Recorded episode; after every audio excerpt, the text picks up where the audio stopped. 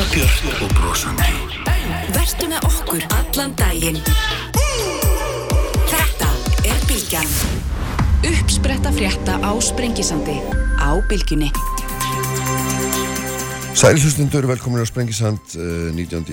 Júl, júni í dag. Uh, Pál Gunnar Pálsson, fórstur samkjömseftilitsins verður hérna í lok þáttar. Hér verður líka Ólaur Þarn Haraldsson, prófessor emeritus í stjórnmálafræði við Háskóla Íslands. Þau verða hér uh, Þorbjörg Sirju Gunnarsdóttir, alþingismæður, Guðlögu Þór, Þólarsson umhverfis auðlinda og orkum. Ráð þeirra við hérna um, þar fjallum um rammaáallum en sestur í hjá mér Magnús Rannver Rapsson sem er verkfræðingur auðvitað og hérna sæl blessaður og velkomin. Takkar.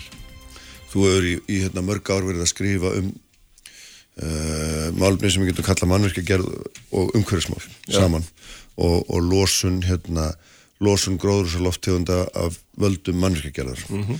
uh, svona megin kjartin myndi ég segja því sem ég lesi þetta er, er sá að við vannmetum þetta sé miklu meira og miklu stærri þáttur heldur í losun í heiminum og hér líka heldur en að við svona almennt tölum um, við tölum mikið um það hvort við erum að kera rafbílum eða ekki en þetta sé miklu starra mál heldur en Já. umferðin. Er þetta ekki svona er bara, Kjarninn. þetta er nokkur neginn kjarnin sko, Já. nokkuð velfæri yfir. Hversu, byrjum bara á einhverjum, einhverjum starrendum. Hversu, hversu stór hluti af losunni er mannvirkjagerð? Já, með svona, við tala almennt or- orðin það núna og almennt viðkjent að, að 40% af, af gróðrúsaloftegundum sem skapa nættræna línun mm. koma úr mannvirkjagerð. Og þá erum við að tala um svona globalt sko. Já, eitthvað misma, mismandi náttúrulega eftir svæðið sko, en, en, en þetta er svona grófi, grófi þátturinn og ég hef svona einfallega þetta með að tala um steipu, stál og grjót. Já, því að, því að það er algjörlega uppistæðan í þessu. Það er uh, mest losun í efnisnotkunin sem að, sem að sem sagt, uh, í efninu sem fer í mannverkin mm. er líka losun tengt rekstri og, og, og flytningi í efni og ímislegt svo leið sko.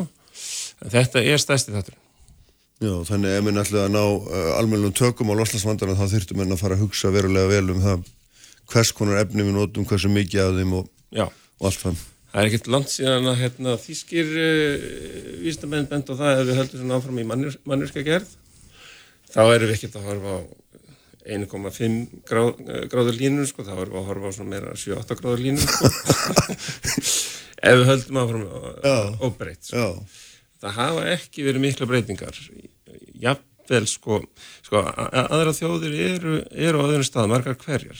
Eins og norð, norðmenn eða norðurland og þjóðurnar norðmenn, svíjar, finnar danir, þeir byggja meira úr öðrum efnum, byggja meira timbri. Og þeir nota líka aðrar aðferði þegar, þegar, þegar steipið er notuð. Þannig að steipan það er hún sem er Já. það er hún sem við þurfum að horfa á sem sagt. það er steipa Já, og það er líka stálið. Já, stálframlislega er líka sagt, losa mjög mikið. Og það er engin steipa nema sér stál. Mm. og eftir sem notum meira ste- steipu þeim er meira stálnotum við því það er okkur fylgni þar bara strax í stöðlum þá er okkur kröfur um svona svo kallar lámarks járnun þannig að ef leiðu við förum að þykja vekkina óhóflega og nota mikið og þá, þá fylgir strax óhóflega mikil stálnótkun já. Eitt af því sem að þú, eitt af sko, annað sem er svona gegnum gangandi hjá þér eru þetta svo fullirðing að við séum á sviði mannirkjagerðar, Íslandingar, mestu umhverju sóðar í Európirun að verum. Já, ég meina að það er náttúrulega ekki til neinar eh, rannsóknir á þessu og, og, og sem sagt, eh, en það er til þó gamla rannsóknir við Háskóla Íslands sem sína það að efnisnótkun í íslensku mannvirkjum er, er langt yfir Európu með eldtölum og það helgast náttúrulega af mikill steipu nótkun. Mm. Við notum miklu meira af steipu heldur en flestar að- aðrar Európu þjóður, sennilega bara meira en allar aðrar, svona í, í okkar húsbyggingar allavega og hlutfallið er stórt strax og síðan þegar við notum steipu þá notum við uh, steipu á annan hátt en aðra þjóðir gera aðra þjóðir forsteipa sín mannumski meira og minna í versmiðum svona hagnýtum versmiðum þar sem er uh, hægt að ná fram hagkvæmni, gæðum og hraða en við erum notum lítið af, af, af uh, byggingaeiningum við staðsteipum mikið og erum alveg pikkföst í því að staðsteipa allt mögulegt og að segja.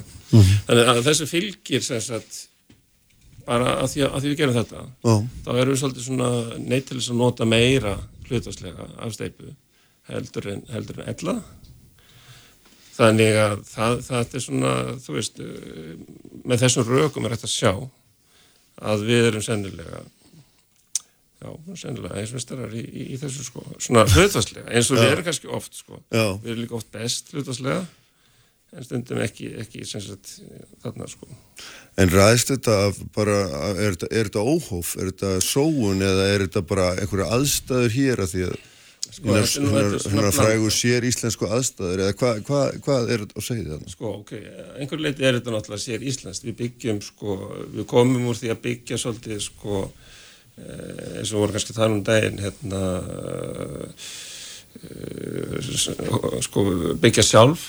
Afarnir okkar byggðu, byggðu húsi Já, sín sjálfur, bara- já, rétt með eigin vinnu höndum bara, já, og- já. og svona, og, eh, bara slá upp hérna eins og sex og, reyna að gera þetta sjálfur, sko.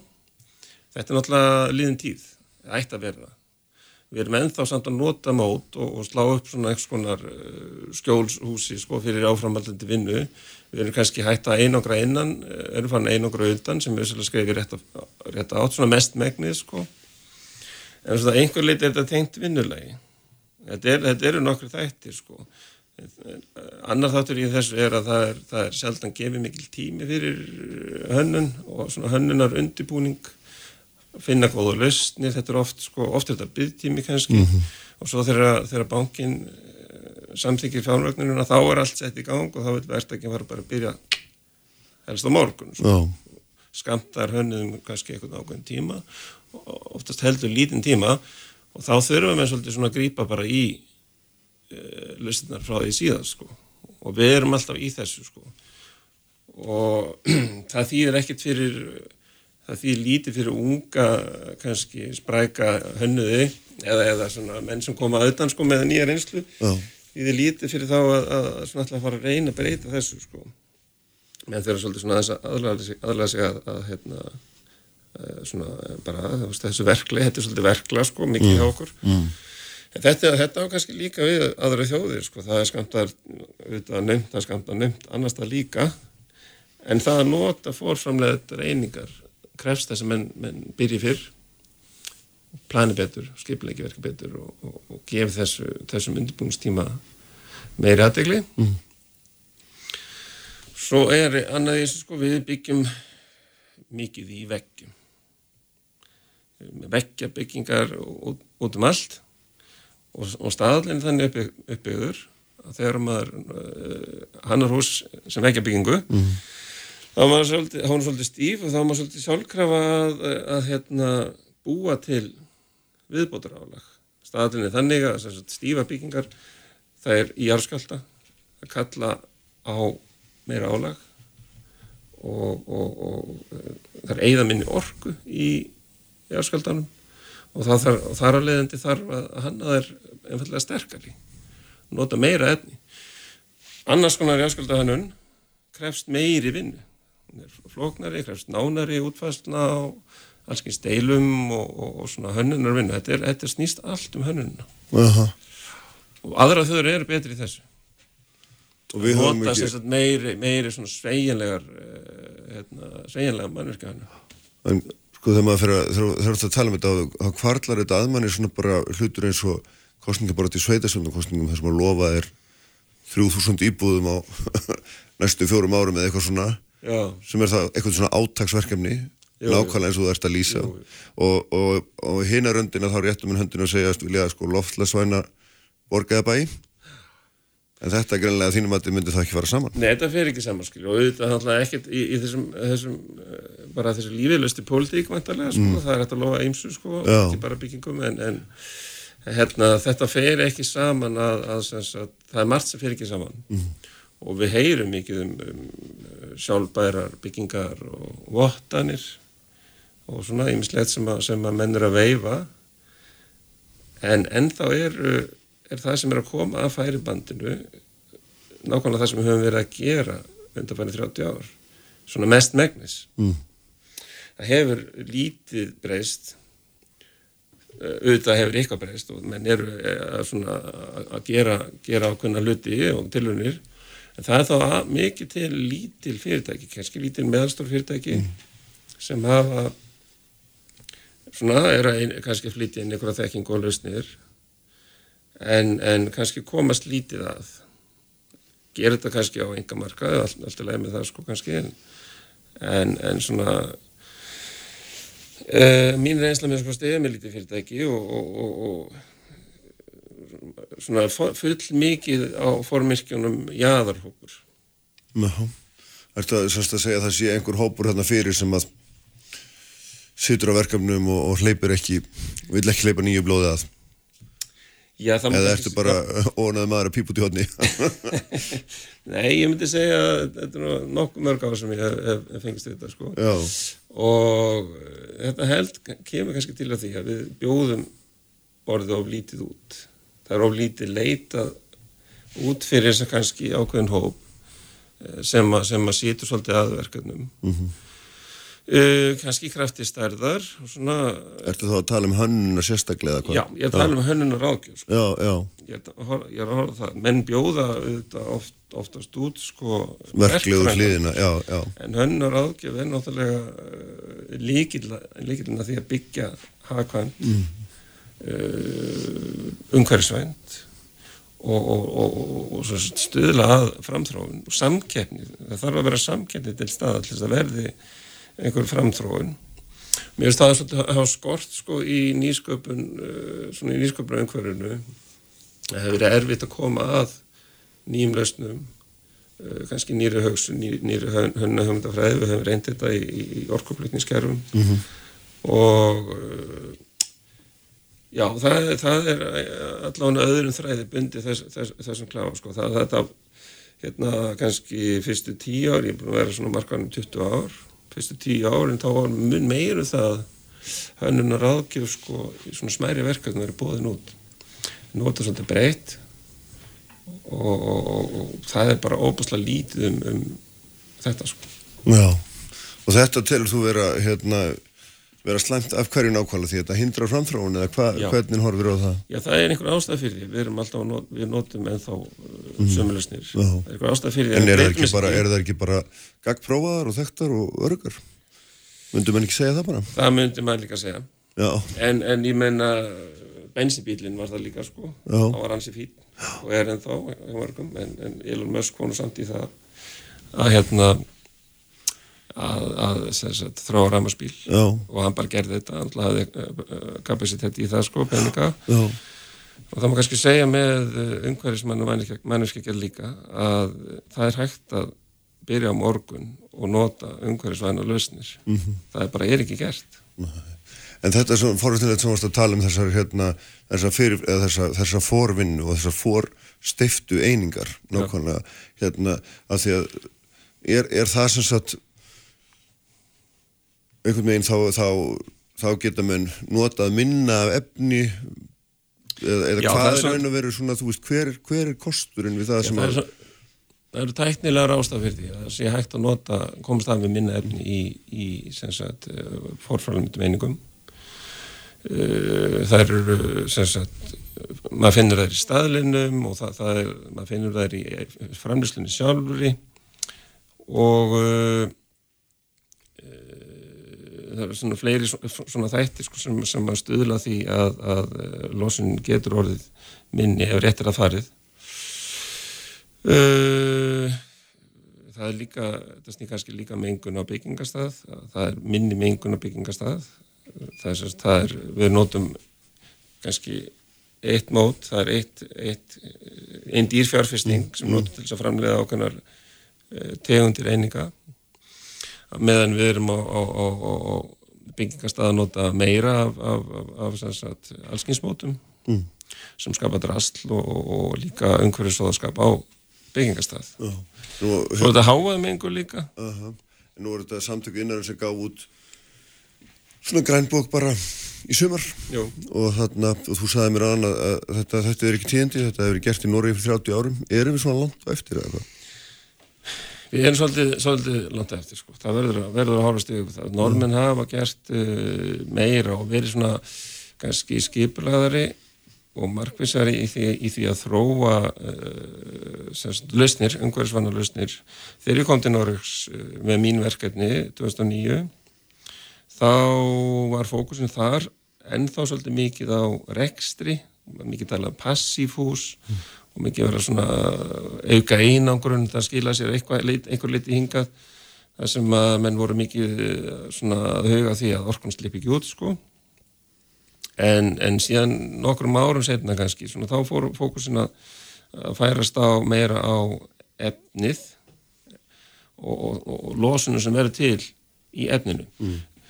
sko norðminn hann eða byggðu hvað allir sem var gáð síðan, þrjú, fjör ár síðan kannski. Eh, sem að, sem að þeir hérna, byggðu einafóhúsið í, í Þrandheimi eitt af fleiri slíkum húsum. Það sem að uh, byggingin losar ekkert, svo kallar plushús. Mm -hmm. það er sólar sólarsælur á þækjunu og húsið er einni framleiðir meiri orku en það notar framleiðir orku fyrir, fyrir hús í, í, hérna, í grendinni uh -huh. Og fyrir stræt og eitthvað svona, sko, svona svolítið hérna já, svona, þetta er svona pilotverkefni sko, tilhörverkefni og, og við talum að byggingunni laug fyrir þreim fjórum árum þannig að hönnunin er náttúrulega sko, þú veist, mun eldri mm. og, og þeir byrjuði á þessu ég veist svona ekki nákvæmlega hvernig þeir byrjuði á þessu sko, en það er að þessu leiti sko er munur. Þeir eru þarna með mjög markvisa svona uh, markvisverkefni, þróunaverkefni og síðan, síðan skila sér inn í, í bransan, við getum líka tekið samgöngur eh, tekið þátt í stóru útbásverkefni í hérna þess að á samgöngursviðinu það var svona uh, útbóð hjá, hjá ekki norsku vegagerðinni heldur nýju vegir. Það sem að betri samgöngur er, er notar sem fyrirmynd Já. og útbóðsverkefni stórt, stórt hérna, stór brú og uh, sko þeir notar henni útbóði uh, til þess að knýja uh, bjóðundur til þess að koma með umhverfisvanna lausnir. Það er ekki nóg, menn bjóða verð og einhverja hefn og einhver svona, einhver svona sagt, eh, það þarf að gera grein fyrir því hvaða fólk tekur þátt í verkefninu. Og síðan er þeir með sérstaklega kapla um, um hérna, umhverfismálinn og þá þurfum beinleins að reikna út uh, hvað þeirra lausn við erum að leggja til í tilbóðinu komið til með að losa.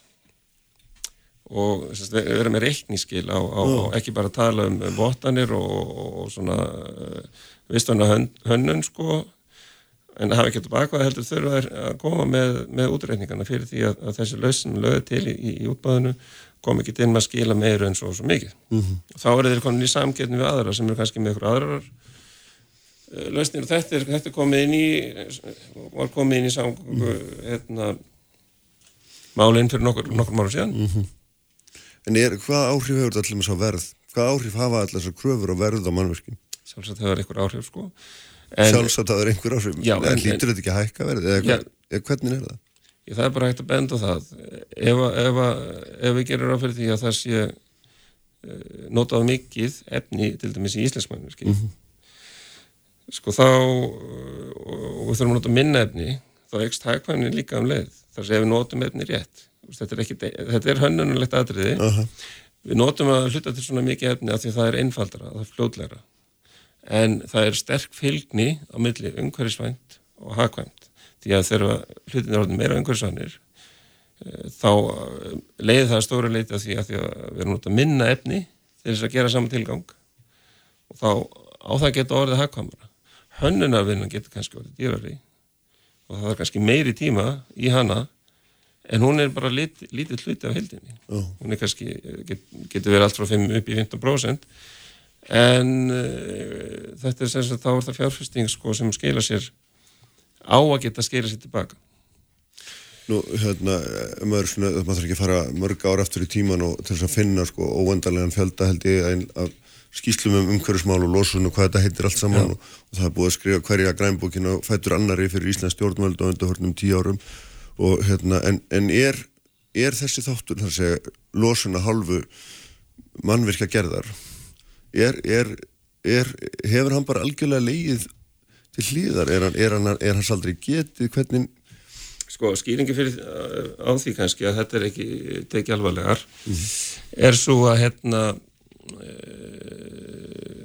sement er innflutt. Það er innflutt vara og fer þá rauninni ekki beint í íslenska bókaldið. Það er svona sínum en þessu minni áhuga mm.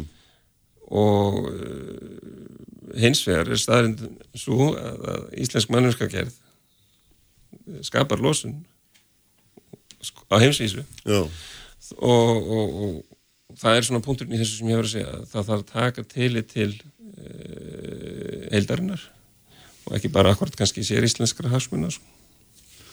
En þess að tölum um sko að ég segja að, að, við finnum svolítið kannski á eftir uh, norður löndunum þá er ég kannski líka að vísa í nótkunn og timbri.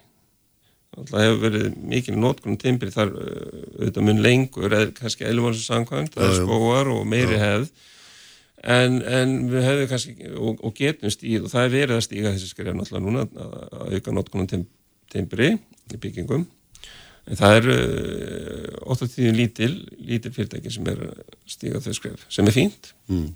en þetta er, það er að bræðansækja Já, en það er bara svona í grunninn er þetta þannig ef ég skildir rétt að hérna, ef maður ætla vinda óávan að þessum láslagsvanda að þá er annað útlokað en að takast á við þetta og það er raun og verið miklu mikilvægara heldur en að veltaði fyrir sig hvort að ramarspílar eru þúsundunum fleiri eða færri Það má segja það. Það má segja það. Það er, það er bara þannig. Það, það eru hlutvarslega meiri, meiri áhrif af, af manneska gerð og uh, ef við horfum á þetta bara svona glóbalt sko, uh, þá er þetta bara svona. Það er cirka þessi 40% versus, versus kannski 5%. Já. Þetta eru tölum um umferða vegum. Bíla umferða vegum. Hvað er svona hérna, hvað er í pípunum? er eitthvað í pípunum sem er að breyta þess að því nú erum við að segja að við séum alltaf að nota sömu aðferðnar en, en eitthvað með svona hljóta þú ert ekki eini maður sem er að hugsa um þetta trú ég, ég meina einhver stað að hljóta menn að vera velta fyrir sér. Já sko, bransin er náttúrulega íhaldsamur og það er sem þú segir kannski að það er auðvitað upp með þessum marki gott sko, þess að þarf að vanda til allar þróunar og, og allt sem heitir breytingar því að, því að gæðin hjá okkur eru kannski heldur ekki alveg nógu góður samanbyrð þema miklu faraldur og, og svona ýmislegt sem hefur, hefur misfarist hérna undan fyrir nár þannig að það er ekkert að hlaupa til sko. en, en, en lausnir það eru lausnir sko, það eru, það eru til lausnir á markanum nú þegar segja, eins og ég hef bent á sko, sem eru notaðar eh, meira elendis en frem, til framtíða liti það er náttúrulega ímstróun að vinna í gangi. Og, og, og sjálfur hef ég verið að vinna með í fyrirtækinu Líndans EHF Eh, trefjaefni. Sagt, svona létt eh, mjög sterk byrðarkerfi og uh, þetta er kannski að segja að sé svolítið framtíð í 2000. aldar verkvæði það sé svona léttum efnum það því að það skilur sér alltaf leið það, það, það skilur sér sagt, uh, í flutningi það skilur sér í vinninu á, á byggingarstað það verður að færa hlutinu til og svona eiga við og kannski förguninni líka mm. Uh, já, ég myndi, ég myndi halda það sko að, að, að léttbyrðakerfi og létt, eh, svona léttkerfi eigi sér töluvara framtíð. Og sérstaklega þegar það kemur að trefjaefnum þá er ekki bara að tala um kóltrefjar þetta er líka hérna, basaltrefjar, glertrefjar hafa verið lengi á markanum. Og jáfnveil á Íslandi sko, þá hafa trefjar verið í nótkunn lengi, ára tíu til dæmis í bátagerð össur stóðtækjaframlegandi notar trefjaefni og uh, það eru fleiri fyrirtæki að koma mm. en, en þetta hefur lítið verið notað ennþá í mannverkagerð og þá getur við farið til Hískalands og horta það sem er að gera starri í svona þróun og rannsóknum og þá, þá getur við kannski talað um 20-30 ára bíl að þar eru svona það er mikið verið að stunda rannsóknir núna með, með þessi efni sko. Mikið í sjálfvirkni og alls svona, svona velminni að spinna einhverja hluti sko en, en e, þetta er allavega ein einleið sem er, er líklega til þess að verða, verða nótuð eitthvað mm. og það eru náttúrulega líka frekar, það er mikil þrón í timburlustum, það er ennþá verið að þróa uh, timbur sko sem eru sífælt svona fjölbreyttara og, og, og hæfara til þess að bera mikið álag Já. Sérstaklega í söðu hluta Þískalands og Östuríkis og þessum löndum og timbur nú ekki óendarlega öðlind auðvitað. Nei, nei, en það er svo sem hægt að hérna, breyðast við því með því að gróðsetja já, já, þá þarf líka svolítið langtímaplun já, já, svolítið En það er ímsir möguleikar í, í bóði en það krefst þróunar nýsköpunar og, og kannski að menn gefi hönnunar vinnu og undirbyggi aðeins meiri gauð Ljómandi Magnús, takk fyrir þetta fróðlega reyndlit í hérna, byggingabransan og, og hérna, áhrif hans í á losum gróður og svo loftegunda. Ég ætla að fjalla hér, ég reyndar áfram um umhverfismál því að þau verða hérna hjá mér Þorbjörg Sirju Gunnarsdóttir og Guðlúð Þór Þórðarsson eftir augnablík. Sprengisandur, alla sunnudaga á bylgjunni. Ertu við? Bylgjunni. Sælir, hlustundur, sælir, sælir, aftur uh, Magnús Rannverð svarar frá með verkræðingur eftir fróðlega yfirferð um hérna uh, vannmatt á, á áhrifum byggingar geirans á gróðrúsamálun á lofslagsmálun ætla ég nú að segja losum lofttegunda. Uh, en hérna ég ætla að fara yfir í rammavalli núna því að í símanum er Guðlaugur Þór Þórðarsson sem er auðvitað umhverfisauðlinda orku ráðra sæli blessaði Guðlaugur Þór. Ná, hann hefur eitthvað, hefur eitthvað horfið okkur aðeins, kemur inn fljótt aftur. En hérna hjá mér Þorgjörður Sigriði Gunnarsdóttir sem er varaformaður. Já, fyrirgjöðu, auðvitað, Marksinnis, Þorbjörg Sigriði Gunnarsdóttir, hérna varaformaður umhverfsnefndar, uh, býðum eftir að Guðlu og Þór detti hérna inn líka. Mhm. Erum við ætlum að ræða um þessa rammaáallin Þorbjörg, hérna, uh, þú sittur í umhverfsnefndinu, þetta varaformaður hennar, Mhm. laði frem sér álit uh, og svona gafst ekki mikið fyrir fyrir raukstunning líkstjórnarina við þessum svona megin breytingu sem urðu þegar þess að tvær virkjanir voru færiðar úr vend í byggflokk þar að segja. Þar að segja hérna það er að segja einhver stað var ég með Héraðsvötnin og Já. Héraðsvötn og kjælölduveita það var það sem ég var Já, að já. nákvæmlega. Nákvæmlega, Hva, hvað fannst þér hérna En sko- já, kannski svo við byrjum ekki í svartnættinu Já, já, já. að þá bara fyrst að þá er það auðvitað mjög gott og mjög mikilvægt að, að rammaállunin hafi verið afgreitt og í sjálfu sér kannski ekki tíðindi að allir gangi ekki syngjandi Nei, glaðir frá borði því þú ert í þessum flókna leik að reyna að ná fram e, jafnbægi milli verdunar og nýtingar og kannski svona í grunninu sem ég sé að bara reyna að fá sem mest fyrir sem minnst, fyrir sem minnst rask. um, og þannig inni er í fyrsta sinn talað um vindorkuna, það er stórt skref, mjög jákvægt, ég held að vindorkana eftir að verða svona mikilvægur þáttur í þessum orkuskiptum sem framöndan eru. Og ég var mjög ánað með alla vinnu nefndarinnar og myndi vilja rósa formannunum, Viljámi Átna sinni, þingmanni sjálfstæðsflokks fyrir að hafa leitt þetta starf mjög vel af því þetta er ævintýrilega stort verkefni Já. og alveg af ástæðu að þetta hefur tekið öll þessi ár. Uh en svona á loka metrunum einhvern veginn bara fellur nefndarálit meiri hlutans bara nánast af heimnum ofan, bara fullskapað, fullmótað og, og nálgunin varð svo að hverji vildi vera með og svo hverjir ekki. Ekkert samtalum e, þú veist, hvernig e, við getum talað saman þannig upp að sem flestir eruðu með. Og þá verða þessar tvær stóru breytingar annars vegar hér að svötnin e, og, og kjáleldu veitan og, og hérna það er alveg skýrt af lögum að það er alþingi sem tekur þessu ákvörðun. Þannig að breytingin ein og sér er ekki gaggrinni verð heldur á hvað fórsöndum hún er gerð. Og þarna vantar bara rökin. Og það vantar að það sjáist hvað minn eru að fara. Og ég er nú svona almennt þeirra skoðunar að þegar menn eiga í vandrað með að útskýra það hverjar fórsöndunar eru og hver rökin eru þá er það kannski vegna þess að þau skortir. Uh, um hér að svötnin að þá eru þetta jökulsárnar þarna mjög vinsæll áfangastæður ferðamanna í dag. Þetta eru taldar á meðal besta svona eh, flúðasiglinga á allar Evrópu. Um, og það er reyndar líka önnur breyta sko að, að gögnin eru svona aðeins komin til ára sinna. Uh, þannig að það eru þarna inni, inni breytur sem að kannski hafa fengið enn sterkari þýðingu en, en var þau runnin, til dæmis uh, Þetta ferðarþjónustan. er álit frá 2016 Þetta er já, og, já, og hérna, og gögnin sem náttúrulega eldri. Já. og e, það saman um kjælöldu veitu, það er talið um að þurfi að fara fram nýtt mat en, en það er ekkit útskýrt hvaða er sem hefur breyst hvaða er sem framkallar það að það þurfi að skoða þetta aftur. Og maður heyrið á stjórnarleganum að tala ábúrslega mikið um þetta að við erum bara að fara í byð e, það þýðir ekki sjálfkrafa nýting en enga síður er staðan auðvitað svo þetta voru þannig náttúruverðmæti að þau höfðu verið flokkuð e, þess aðeins að þau ætti að vera í vernd. Já. það að færa því byð þýðir að það eigi að skoða það að nýju hvort þið er í nýtingu eða vernd. Það má vel vera að niðurstaðan verið vernd en hún getur alltaf eins orðið nýting. -hmm. og þannig eru bara rökin ekki með. Nei, Guðlega Þór, þú ert komin okkur hérna, dastík aðeins út, sælublesaður eftir Já, sælveriði. Sæl, sæl. Herðu, hérna, hún, Þorbjörg Sigriður, er að kalla eftir röksemdum fyrir þessum svona tveim megin breytingum sem urðu hérna í, með, í meðferð þingsins núna síðast frá því sem aður hafi verið þar að segja.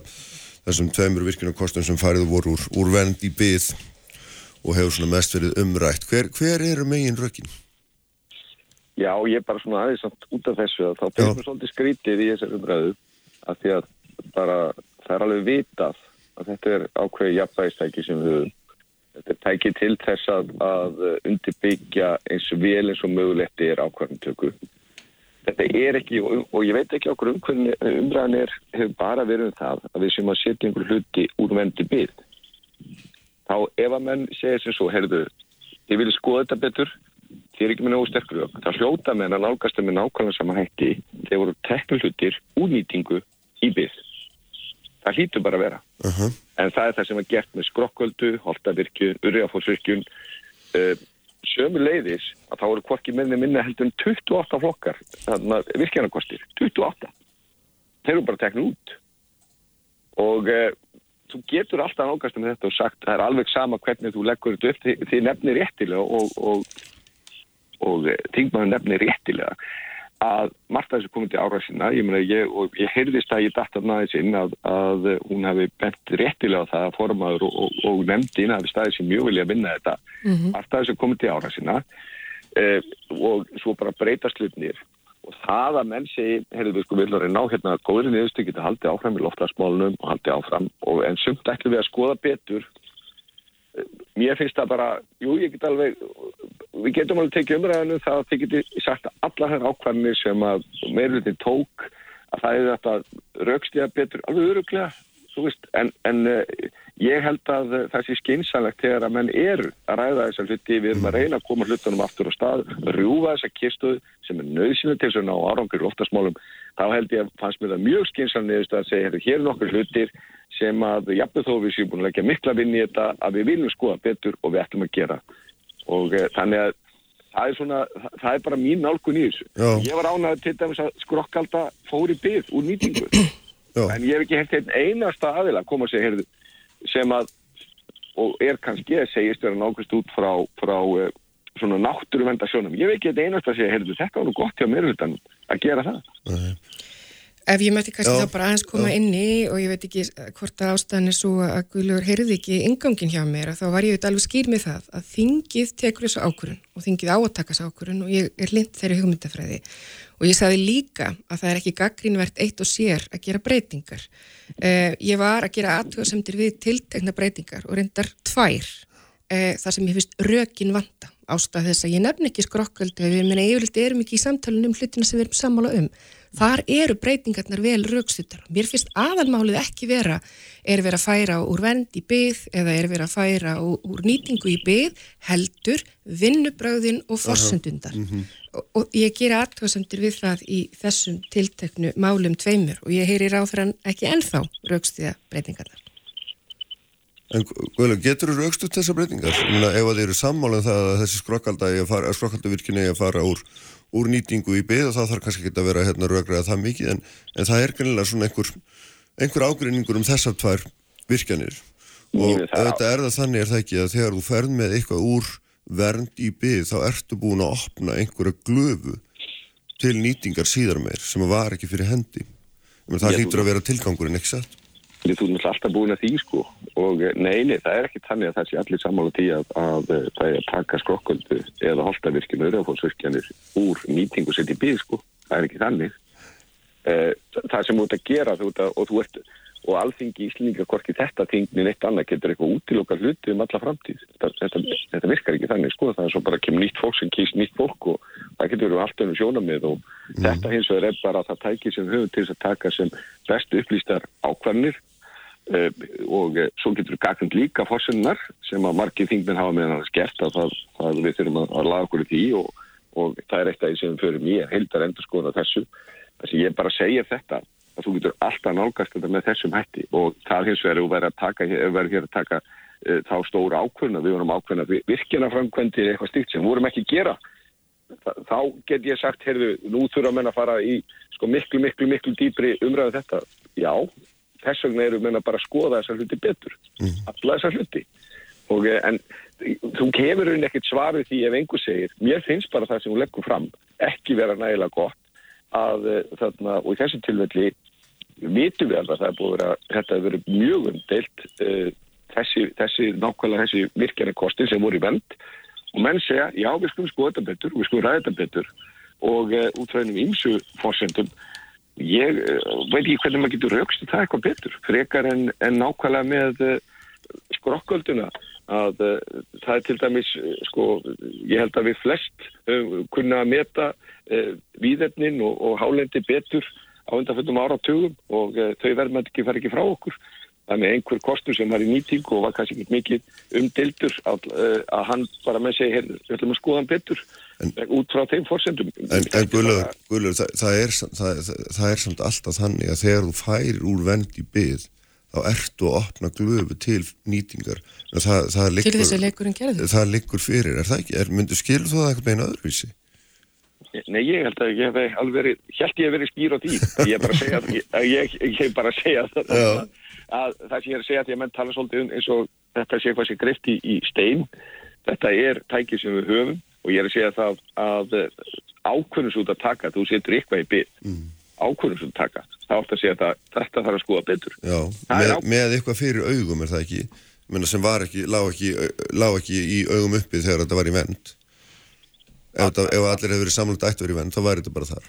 Já, ég er nú ekki alveg samlagt þeirri nokkur. Ef þú tekur bara þarna, pakkan í hilsinni, þá er það þannig að þetta kemur alltaf inn af því að þetta eru möguleg virkjarnarkostir. Það er alltaf leið fyrir. Já, já. Og síðan flokka með, með þá.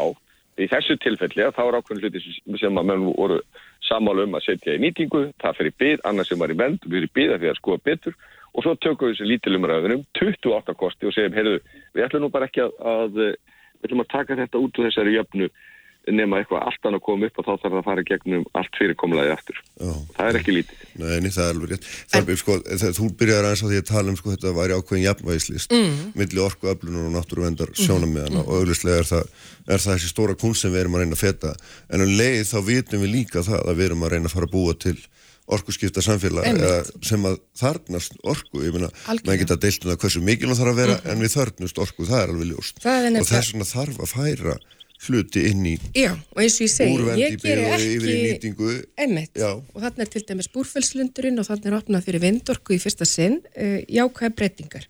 Uh, þannig eins og ég segi, ég ger ekki aðtjóðsendir við það, en mér finnst það vera skýrt á hvaða fórsöndum það er gert og þú talar um, uh, og ég er enda mjög ána með þann tón sem ég hef heyrt hjá ráðhörunum varðandi orkuskiptin í þáu lofslagsmarkmiðana því þau eru mjög metnaða full en þarna eru breytingar e, gerðar á hálfu meirlutans sem eru auðvitað fleiri en þessar tvær sem hafa verið svona í forgrunni umræðinar mm. e, Guðlur er að nefna hér að það hafa verið töluvera breytingar og ég sakna þess líka að e, það er ekki fjallað um það þegar að vera að færa flokka E-, eða kosti á milli flokka hvað það þýðir þá um hversu mikil raforka er að færast á milli? Mm. e, veist, hva, hver áhrifin eru einmitt á orkuskiptin í heilsinni þegar maður skoða pakkan frá meirhlutunum með öllum þeim breytingum sem þau gera. Það er heldur ekki fjallað um hagkvæmni virkunarkosta eða þjóð, þjóðhagsleg áhrif.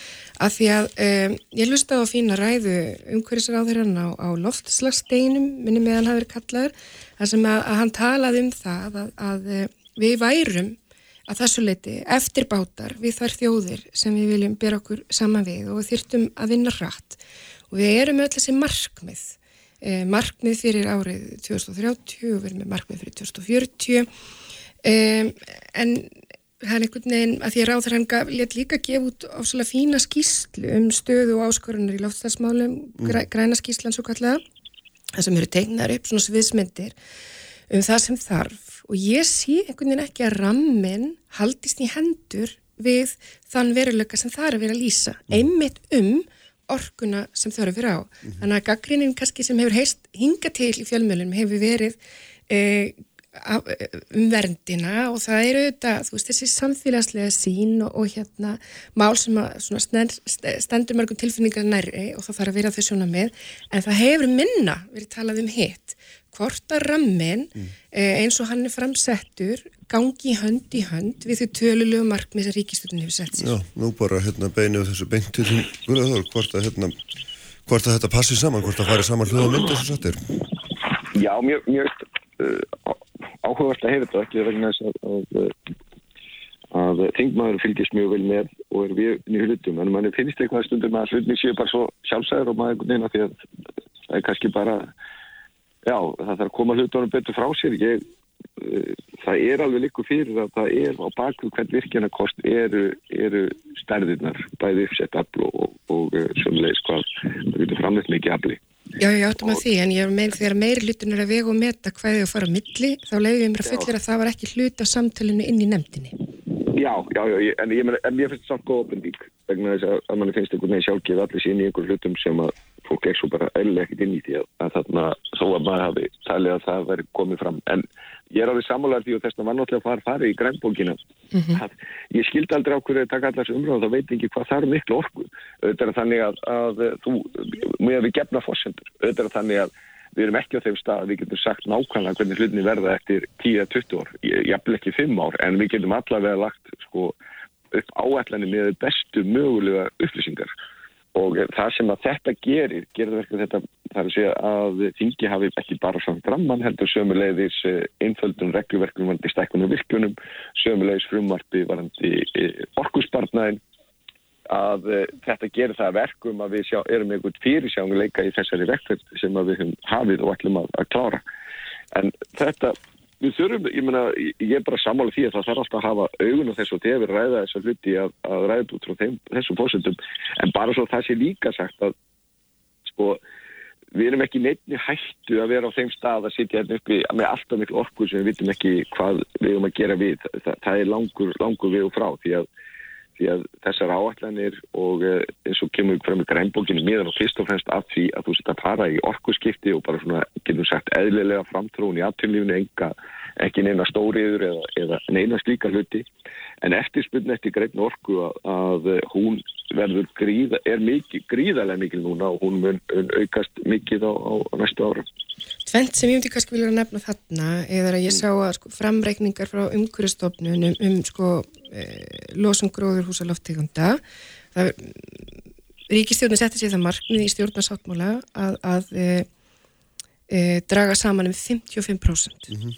óbúslega metnaði fyllt markmið sem ég stegð en e, þessar tölur og þessi reikningar frá umhverjastofnum benda til þess að árið 2030 þá munum við líka einhvers þeirri 28% þannig að markmiðin er þarna en það vantar ennþá mm. skýr skilabóða minnstakosti uh, út af við um hvernig þeim er að ná. Síðan hef ég áhuga líka að taka samtal um sko vindorkuna því ég held að hún verði mikilvæg þáttur hér uh, og ég hjó eftir því að fórsættisáðurinn okkar sagði í ræðinu sinni 17. júni að það þyrti að leggja á auðlindagjald fyrir notkunna áður en farið verið á stað og mér eru fundist orkumálastjóri tala á sömu nótum hún vísar til normanna, við eigum auðvitað söguna fiskveiðstjórnarkerfiðinu og, og, og svona þá e, sa, það sár sem að skapast hefur vegna mm. þess, við eigum söguna því að það þarf að gera svona áður en farir að stað en ekki eftir á, fiskeldir dæmi um það. Grænaskíslan á hálfu umhverjus og lofslagsráður að tala hins vegar um það sko að öðlindagjaldi sé hæpið vegna þess að vindorkan sé takmarkuð en ég hef nú haldið að það er alltaf samt mikil, mikil verðmætti í útlutun leifana Þannig að ég hefði áhuga að vita það í ljósi þess hvað vindorkan verður þýðingar mikil breyta hér eh, hversu langt samkómulagið er komið á milli stjórnarflokkana um það eh, hver verður auðlinda umgjörðin í kringum vindorkuna á að leggja á þetta auðlindagjald er svo vinna farin á stað mm -hmm. að því ef ég held, ef, ef að fórsettisráður og umhverfisráður eru ekki sammála þessu leiti þá eru við í pattstöðu og hún myndi ógna loftslagsmarkmiðum okkar. Já, það, það er hérna mitt hlutverkur bara hérna miðla spurningum hérna frá þingmannu til ráðarnas og ég gerir það bara áfram fúslega. Þetta er bara mjög áhuga verðskulega þóri. Er, er, er, hver, hver er staðan í þessum? Já, þetta er mjög öðvöld starf fyrir þig, Kristján. ég fæ bara Þorbjörg til að koma inn og ringi þig. Já, ég, já, ég er bara mjög ánægð með einmitt að uh, fyrst bara það með fyrirþáttinni minna. Það er ástæði fyrir því að ég hef verið að veikja aftíkla því að það er gríðastótt verkefni framöndan. Því að mér fundist við vera svolítið meira að tala um hvað við ætlum að gera heldur hvernig við ætlum að gera það. Og ég liti á mitt markmið aðeins að reyna, ekkit aðeins, veist, við þurfum að komast í mark, sko. Við getum ekki bara verið að tala um hvað við viljum gera. Mm -hmm. og uh, þessi frumvörð sem ég nefndi hvort, áðan eru liður í því.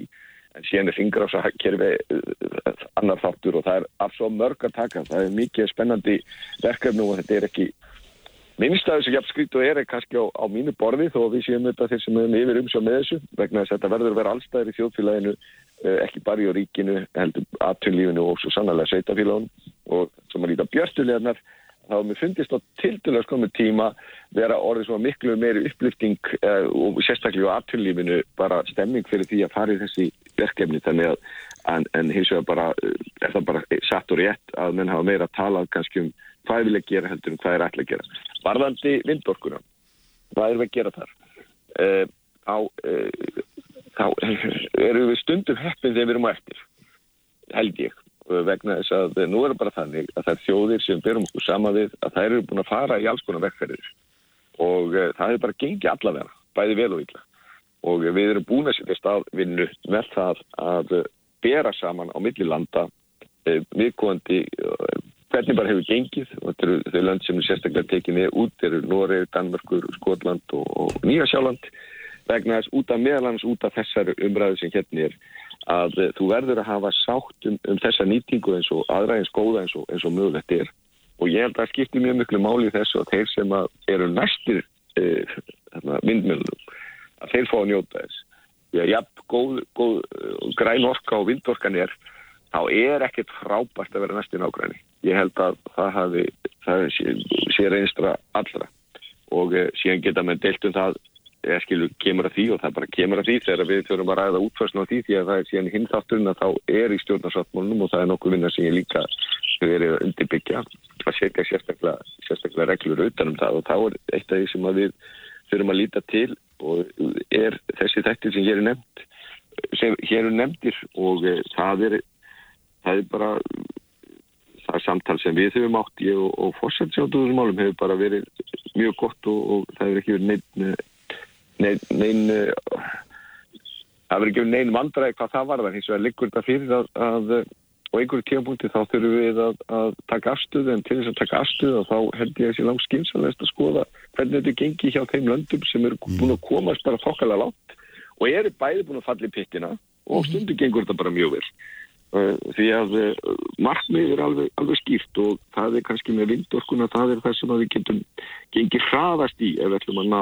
að búa til græn orku. En finnist þið frálegt að það væri einhvers konar auðlinda gjald köllun og það fyrir það, það, fyrir það að fá að setja upp vindmilugarð einhver staðar á einhvern tilteknum svæðum að því að þetta hefur auðvitað för með sér ákvæmlega hliðaverkanir líka. Mm -hmm. Fyrir mér er þetta bara mjög skýrt þú verður þeir sem er í næsta nákvæmni þeir verða að fá að njóta þess að það sé myndmila í já, bakkarinu, þá er ekki tala um sko, bókstæla bakkarinu. Hva, hvað meinar það nákvæmlega með þessu þeir verða að fá að njóta þess? Ég bara segja allans, ég er nú lítið til sveitafélag eða svæða mm. þú ert með þess að, og ég hugsa flestir, ég ætla ekki að taka ákvarðinir uh, því að við erum að taka þessu umræðu fyrir alla aðra, en mér heyrist að flestir séu á því að þú er í svo stóra vindorkugarða þarna frekarinn marga mikið að mjög ég úst fáa en, en, en stóra. Þeir geta bæði verið á landi eða fyrir utan land. En alveg sama hvar þeir eru og þá held ég að skipti máli að eh, við horfum á þetta þannig að þau svæði sem eru með, með þessa framlegslu að þeir njóti góðsaði og uh, það getur náttúrulega bæði komið í tilfinni fjármaks sem sömu leiðis uppbyggingar og, og, og slíka hluta. Við verðum að horfa til þess. Ég, ég sé ekki að setja nálgast með neinum öðrum hætti. Já, varandi þetta sko, já, af því að hérna, ég, ég held að skipti mitt máli og mér finnst þér áður að vera að lýsa í svona óbeinn arður muni skila sér til samfélagsins svona gegnum fjárfestingu og gegnum matvin og allt þetta en það sem er verið að tala um með auðlindagjaldi eru þetta beinn arður líka að það sé gjald fyrir nótkunna Mhm. og ég myndi segja að það er kannski þarna sem ég að því það er ótrúlega mikil tækifæri í þessu Ísland getur orðið leiðandi að þessu leiti ef þetta er vel gert En þarna hef ég kannski aðeins áhyggjur um af samsetningu ríkistjórnarinnar að því að fara ekki að teikna upp eitthvað það auðlinda umhverfi og auðlinda pólitík að við séum að skapa sko, nýja verbúð að þessu leti, það sem Mm. að sk- skapi sátt. Þannig að hérna Þú vil semst leggja á sérstætt leifiskjald það á að vera auðlindagjald þarna eh, sem á að renna til þjóðarinnar. Einhvern veginn staldra við þetta orðalag hans um næsta nágrenni og til framkvæmdar aðila þjóðin á að nöta góðs af þessu. Ljókum eins og þessu guðlega, Þór, finnst þið það vera útiloka mál? Nei, ég er bara eins og bara vekk hattikla því að þarna, mest af þessu verður nú til dæmis gerir ráð fyrir út á landsbygðinni og eh, við sjáum bara hvernig eh, þróun hefur verið þegar kemur að, að já, bara uppbyggingu íbúafjölda á landinu. Við sem búum á höfuborgsvæðinu, við erum lang, lang, langstæðist. Það er 85% innan kvítasvæðis. Og eh, ég, svo sem alltaf ekki að fara að diskutera sko, einhver útfærslu sem við erum ekki komið á borðið en slíkt. Það sé einu sem ég bara segja það að ég held að það Þú verði hefur erfitt. einhverja pólitíska stefnu samt sem aðra hugmyndafræði Já, hún er alveg bara mjög skýr að, að, að til að ef þú ert með eh, vindorkugarð á, á vestfjörðum eða norðausturland þá finnst mér að þú er að njóta þess eh, sem það er búa. Þú, ef þú segir, ef þú nálgast að þannig, og ég ætla ekki að byrja á því að bara búa til einhver vandamál, en ef þú segir það skiptir einhver máli, við ætlum bara að láta þetta fara í, í ríkis hítina og það skiptir einhver máli þó að fólkið á, á viðkondi svæði uh, veri í raunni svona uh, óþægindin af þessum fólk til að njóta þess og þá Það er ekki verið að við segja það. það. Nei, ég er að segja að þú veist, við samt svolítið langt í að ræða eitthvað sem er alls ekki á, á borðinu en og það liggur alveg fyrir, það er alveg skýrt ástæðan fyrir við í að við erum að skoða mismöndi kosti, e, þar að segja hjá mi- mismöndi löndum, hvað hefur gengið vel og hvað hefur gengið illa, er til þess að hafa með skoða sátt eins og, eins og hægt er. En við erum komið svolítið fram úr okkur þegar við erum byrjuð að fara í útværslu sem enginn er búin að leggja nákvæmlega borðið. Ljómandi gott, við hérna höldum þessu þá bara áfram síðar þegar þið eru búin að skoða þetta betur. Takk fyrir að með okkur Guðlega Þór Já, takk sem leiðis. Takk, takk, bless Takk. Takk fyrir að koma hingað hérna Þorbjörg Sigriður sem ég kallaði Þorgir Ég fann að ruggla ykkur saman, Þorgir er Katrín og þér Herri, takk fyrir að koma aftur Prósor, hérna, Emriðus Ólafur Þótt Harðarsson hérna eftir öngul Sprengisandur, alla sunnudaga á bylgjunni. Kraftmikil umræða alla sunnudaga. Sprengisandur á bylgjunni.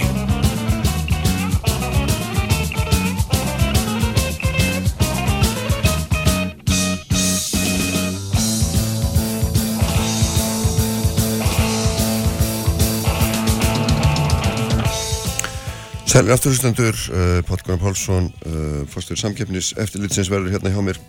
Lok þáttar og þau eru farin frá mér Guðlega Þór Þólarsson og Þorbjörg Sigriður Gunnarsdóttir uh, eftir umræði um ráma áallun en hér hjá mér er nú Ólafur Þótt Harðarsson Heila sæl efinlega, Heil og sæl, velkomin. Þakka þið fyrir. uh, langaði að fá þig til þess að- að koma að þess að spili með mér. Núna hérna er svona nýjast, nýjustu tíðindi.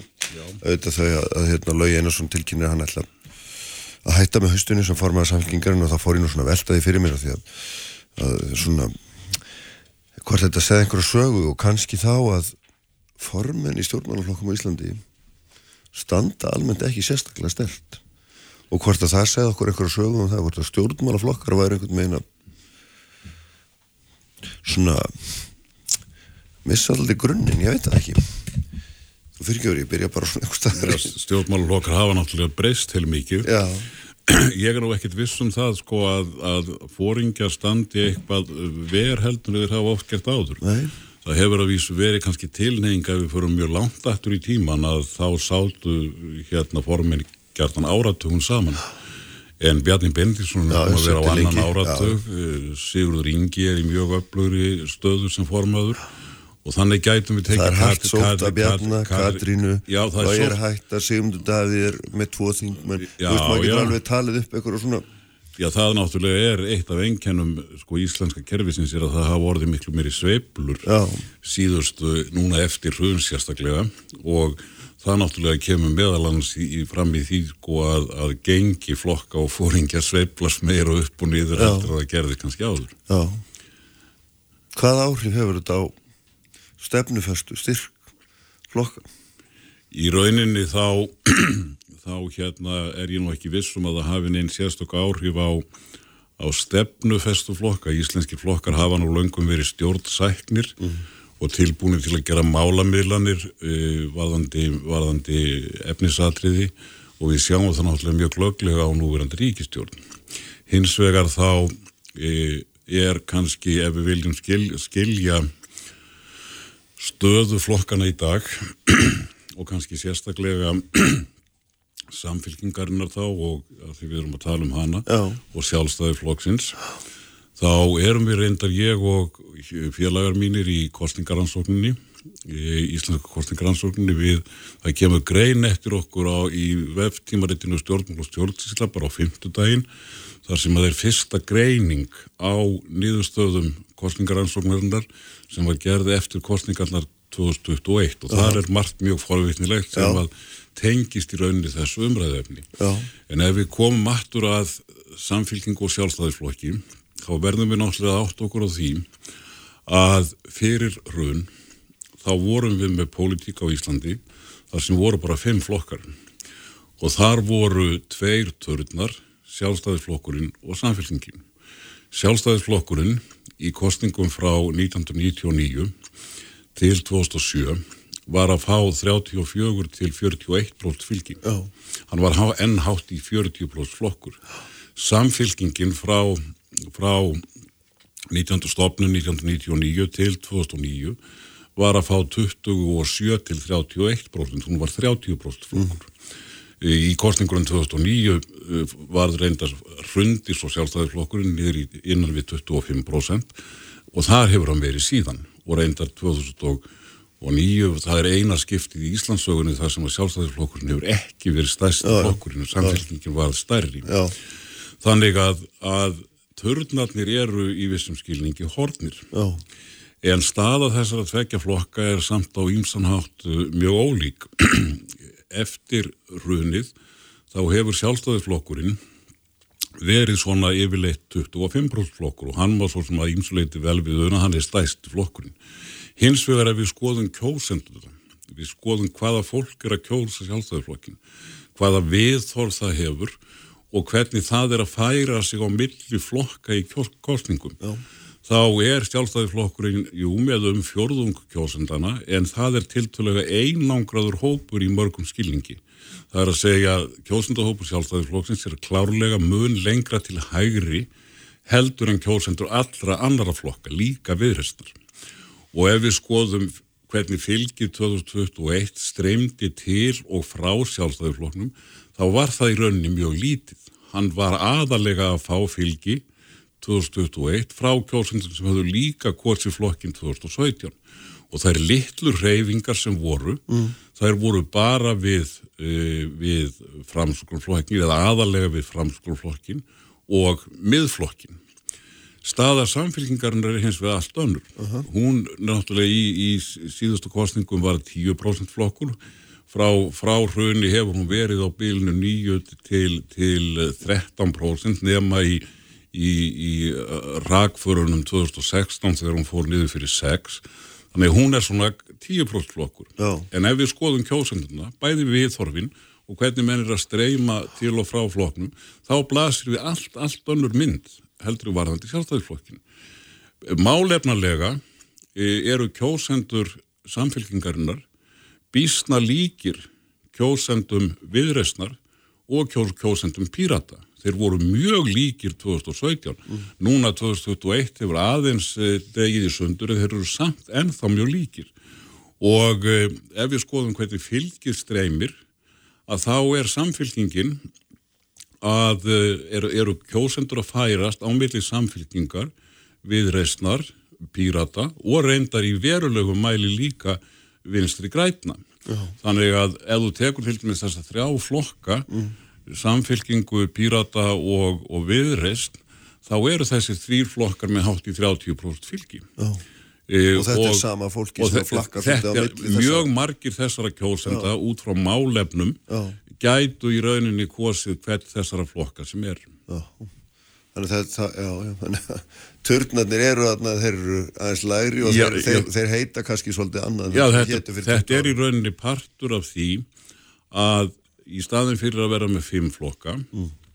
og tvo turna, þá erum við með núna með átta flokka inn á þingin og sá nýjundi, sósílistaflokkurinn sem komst ekki inn, er augljóslega sprell lifandi og stóð sér vel núna í borgartunarkostingunum, er að mælast ágætlega í könnunum, þannig að landslægið er allt annað og ég held að það sé, þó við getum aldrei spáðum framtíðina, þá held ég að það sé mjög ólíklegt að við sjáum það á næstunni að sjálfstæðisflokkurinn geti aftur orðið 40% flokkur eða að samfélkingin geti aftur orðið 30% flokkur. Já. Við sjáum hins vegar eftir hrun að það hefur verið þó að, að það hefur verið svona eh, tölv, hafa verið tölverðar breytingar millir kostninga á styrk flokkana en það hefur bara gerst einu sinni ef ég mann rétt að einhver flokkur annar sjálfstæðisflokkurinn hafi farið yfir eh, 20% það var framsókn 2013 en í öðrum árum eru allir þessir, eiginlega allir þessir flokkar að rúlla á bilinu 7-8% upp í kannski 17% Já.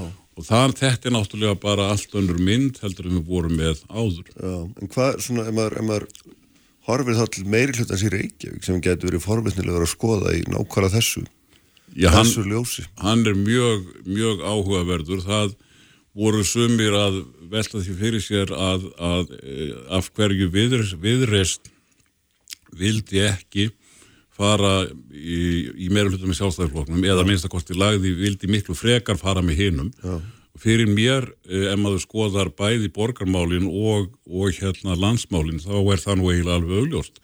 Í borgarmálinu var það einfallega þannig að viðreist hafi staðið mjög þjætt með hinum meirulutaflokkurum í, í síðust, síðasta meiruluta og það reyndist málefnilega mjög auðvelt að, að, að hérna gera síðan samkomulega við framsókn. Ef við skoðum landsmálinn sem er halda viðreist í klopningsflokkur úr sjálfstæðiflokkur, það er mikill miskilningur. Mm. E, fylgi viðreistna 2016 og það var einan við þriðjungur sem kom frá sjálfstæðiflokknum og, og næstum því jafnmarkir frá samfélkingunni. Já. Og ef við skoðum bæði hvernig fylgiströðmatir eru og hvernig mm. málefnin eru, þá er viðreist nær þeim flokkum sem að hún er núna með í meira hluti borgarstjórninni heldur en með sjálfstæðisflokk. Þannig að þessi svona Evrópusinnuðu sjálfstæðismenn sem eru náttúrulega kannski svona stopphópurinn, hann er ekkit lengur ráðandi í þessum Já, hann er, sko, það er einnig mjög aðtöldin með viðreist núna í, í, í hérna, í, í konurinni sem við erum að segja frá á fymtudaginn, í greininni á fymtudaginn, mm. að varðandi alþjóðamálinn, Európa-sambandið og fleira því tengt hefur orðið meiri polarisering e, meðal kjósenda að hópa flokkana heldur en var 2017 í þá veru að kjósendur viðreistnar eru enn e, alþjóðasinnaðri heldur að þeir voru 2017 og er komnir langt fram úr samfélging og pýröldum, kjósendum þeirra í, í þessu efni á meðan kjósendur miðflokksins hafa færst me, sé, nær, meira í áttin að, að, að því sem við kölluðum, kölluðum hérna í gamla daga innilókun og opingátt, þar að segja að þeir væru þá inni, innilókunarmenninir, þannig að við höfum fengið aukna skautun. Já varðandi, varðandi þetta í milli viðresnar og, og, mm. og miðflokksins. Já. En hvar, þú veist, sko þegar við erum búin að greina þetta allt saman og, og hérna skoða, hverjar eru eiginlega, hvar liggja ströymanir, hverjar eru átakalínutnar í nútímanu því nú sjáum við þessa ríkistjórn, við sjáum hérna meiri hluti reykjaðu þessum einhvern veginn að ægir öllu saman menn koma vista vinstri og vista hægri og, unnar sér príðilega í samstarfi. Er, er við, og, veist, og það er ekki við erum ekki eins og deilum NATO lengur nú vilja allir verið í NATO er, hérna, það vil enginn fara í er hverjar eru, veist, hverjar eru línundar sem þið lesið út úr Já, það hefur nú verið þannig eiginlega svo lengi sem ég man eftir mér að menn kvarta yfir því að það sé ekki nógu skýra línur í pólitík. Já, færða einsinn en það. Og e, hins vegar með það kannski nokkuð til í því að, að það verðist núna síðustu árin hafa verið, verið hérna meiri tilheying eða sækni í svona miðjupólitík mm. og við sjáum til dæmis með kjósendur sjálfstæðisflóksins núna 2021 að þó þeir séu greinlega miklu, miklu lengra til hægri heldur en kjósendur hinnarflokkana þá eru þeir ekki eins langt frá hinum flokkunum eins og þeir voru 2017 þeir hafa fæst aðeins nær miðjunni. Nú, e, framsók segir náttúrulega að sinn góði árangur bæði þínkostningunum og núna í sveitastundarkostningunum stafi af því að fólk vilji hófsama, sangjarna, miðjupólitík, lausna miðaða eitthvað þessu þar. Það kann vel að vera það sé eitthvað til í því. Það er að segja að tími hinnar stóru hugmyndafræði, ekki síst nýfrálsvíkjunar, að hans geta aldrei mikið liðin mm. og menn séu að leita svolítið bara að, eða margir kjósendur séu að, að leita að, að, að öðru. E, núverandi ríkistjórn hins vegar, hún e, er náttúrulega stopnuð 2017 e, með það yfirlýsta markmið að ná stöðuleika og, og það tókst í rauninni og hún vann það einstæða afreg eftir hrun að bæta við þessi fylgi í síðustu kostningum. Það er mjög sjálfgeft í íslenskum, íslenskum kostningum og í rauninni sjáum við líka í, úr kostningaransókninni að stuðningu eða þeir sem töldu eftir kostningarnum 2021 að stjórn Katrínar hefði staðið sér vel að þeir voru það voru einhver 78% sem að Söðofan hefði staðið sér vel Já. og það var, er miklu, miklu hærra miklu, miklu betri eftirmæli heldur en nokkur önnur ríkistjórn eftir hún hefur fengið. Og þegar við spurðum hvort hún hefði staðið sér vel sérstaklega varðandi uh, baráttuna við COVID, þá voru það heil 89% sem að, sem að hérna, svo hún hefði staðið sér vel í því efni. Og áraðanlega hefur COVID skipt verulegu máli að það er alla líkur á því að COVID hafi skipt verulegu máli fyrir þetta góða gengir ríkistjórnarinnar. Bæði sem sé það hvað baróttan við COVID gekk vel og síðan náttúrulega gerði COVID það verkum að eftir að það kom upp þá voru eiginlega engar deilur um negin önnur mál Neinu. og meðal annars ekki um þau mál sem að eðlilegt væri að það stæðu miklar deilur sérstaklega millir sjálfstæðiflokksins og, og vinstri græna. Þannig að, að en, en þær, þær átakalínur eru kannski að, að, að byrtast núna þannig að þeir sem hafið áhyggjur af því að það sé ekki nóg átök í pólitíkinni, þeir kannski bara ættu að horfa á ríkistjórnina og sjá hvernig, hvernig mál þróast, hvernig þróast. þar. Já, en hvað, sko, eitt sem var svona, þú nefndir á sosialistana, þær var sprellifandi þó þeim hefði ekki tegist að ná þing og, og, hérna, og það gekk vel í Reykjavík og, og hérna og svo framvegis. Og þetta er eitt af því sem að maður getur horta á því samingi er sko slagt gengi vinstri græna í Reykjavík sem var nú þeirra höfuð í og sérstaklega eh, hérna, þeirra Katrín var nú hérna bara sterkast stjórnmálumar í Reykjavík og fyrsti þingmaður síns kjörða það var alveg mikið breyting hann á og maður veldi fyrir sér hérna hvort að sósélistinn sé að íta getur ítt vafki nær samfélkingunni þannig að það kviknaði aftur þessi hugmyndu með einhvern stóran jafnaðamannaflokk eða er það einhver svona er það delli hugmynd? Þeir voru reynda sko vinstri græn þau stóðu sér nú miklu betur í þingkostningunum 2021 já, já, í Reykjavík heldur en í sveitundokostningunum en sósélstaflokkurinn er auðvitað mjög áhugaverður. Hann er þetta í fyrsta skipti sem það kemur svona flokkur sem er að staðfesta þessi sem er vinstra megin við þinn hefðbunda vinstri sósélstaflokk og við sjáum að þegar við skoðum viðhorf þeirra sem að nú kursu vinstri græn og líka þegar við skoðum hvernig kjósendur staðsetja flokkana, stjórnmálaflokkana á hægri vinstri kvarða, þá ha hafa kjósendur vafgið tekið snarpa beigju í áttina að miðjunni á hægri vinstri kvarðanum og það er væntanlega vegna þess að, að, að, að vinstri græn töpuðu umtalsverðu fylgi mm. bæði til sósilistana og til píratana Já. Þannig að óanægðir vafgemenn sem að voru þá aðalegur vinstri armiflokksins Já. að þeir fóru yfir á sósilistana í törfurðumæli og yfir á píratana. Og ef við skoðum hvaðan fylgi sósilistana 2021 eh, kom, þá kom þriðjungur þess frá Vafge, 25% frá píratum 17% frá flokki fólksins og 17% frá samfélkingunni en mjög lítið frá öðrum. Þannig að, að sóslutinir er taka mest frá Vafgi en ekki bara frá Vafgi, heldur líka frá hinum vinstirflokkunum. Varðandi stóra jafnaðamannaflokkin þá var ég nú eiginlega búin að svara því að, að, að uh, auðvitað er ekkert hægt að útiloka en, en við sjáum að þessi þróun með, ma með marga flokka og, og að stóru flokkarnir er að hafa verið að minka við höfum séð hana undanfærin 20-30 ár allstaðar á Norðurlandun og í rauninni held ég að, að, að ef að sko miðju og vinstri menn á Íslandi sko vilja auka áhrif sín þá sé það kannski ekki raunhafasta hugmyndin að reyna að búa til stóran jafnaðmannaflokk e, auðvitað reyna allir að segjum að komast upp í 20% eða, eða, eða hvað það nú er. Það sem að er megin verkefni þessara flokka lítur aftur á móti að ríkistjótamyndun og þessi nýja þetta nýja flokkakerfi veldur því að það er ekki hægt að mynda tvekja flokkastjórnir.